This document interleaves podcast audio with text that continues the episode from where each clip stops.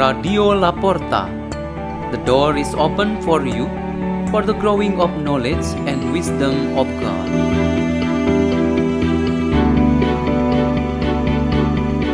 by Giovanni Rasidy from Frankfurt, Germany.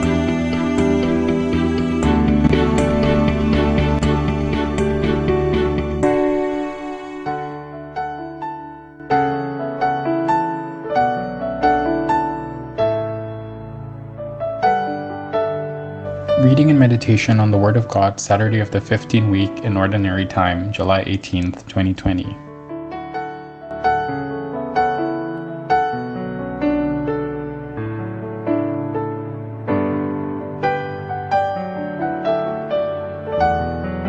The Gospel of Jesus Christ according to Matthew.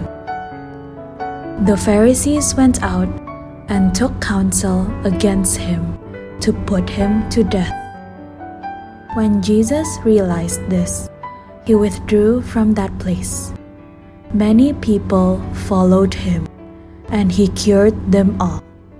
But he warned them not to make him known. This was to fulfill what had been spoken through Isaiah the prophet. Behold, my servant, whom I have chosen, my beloved, in whom I delight. I shall place my spirit upon him, and he will proclaim justice to the Gentiles. He will not contend or cry out, nor will anyone hear his voice in the streets. A bruised reed he will not break, a smoldering wick he will not quench, until he brings justice to victory.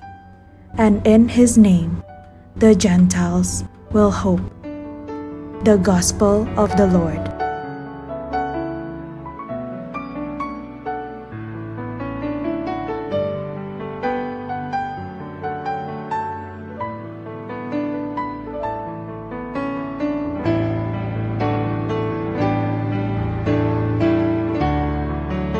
The theme for today's meditation is Is the Lord Hiding?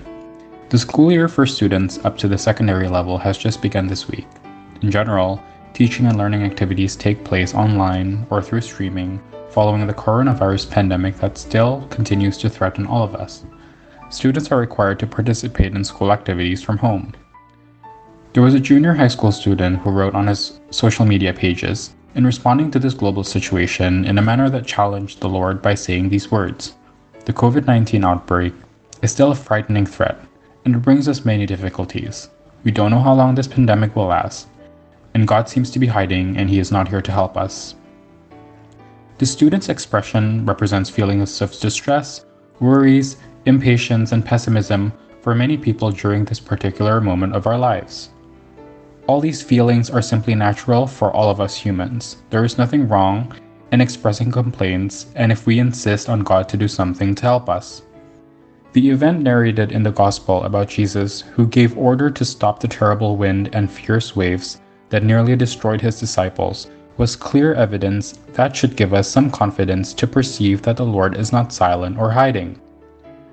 Our Gospel today also illustrates how Jesus chose to avoid and to hide from the enemy's threats that were ready to attack him at any time. There was an evil conspiracy aiming to put Jesus down and stop all his salvific works, but Jesus went away to avoid this plot. If a leader or a king chooses to leave his responsibilities behind, then we can conclude that he has failed as a leader or a king. If our lives in this world only focus on violence, evil, and threats of enemies, we are creatures that live in fear, and this world will feel like a terrible jungle. God might be understood or perceived to be dwelling and hiding somewhere we do not know for certain, but He truly dwells in our hearts. He fills up the spaces of understanding that can enable us to believe Him. He works constantly as the invisible Holy Spirit to provide everything through words and deeds, so that we are capable in dealing with every kind of evil while we are doing the will of God on earth. Our lives actually remain centralized in the kingdom of God, and the way that we follow is the Lord Jesus Christ. If we until now can enjoy our life in the midst of the pandemic, we can encourage each other to make some adjustments to prevent it from getting more widespread, and this is the way God wants us to lead us on our journey on earth. He is really with us and guides us every moment of our lives. Let's pray. In the name of the Father, and of the Son, and of the Holy Spirit, Amen. O Lord, into your hands we put all our struggles and hopes. Glory be to the Father, and to the Son, and to the Holy Spirit, as it was in the beginning, is now, and forever shall be, world without end. name of the Father, and of the Son, and of the Holy Spirit. Amen. Radio La Porta. The door is open for you.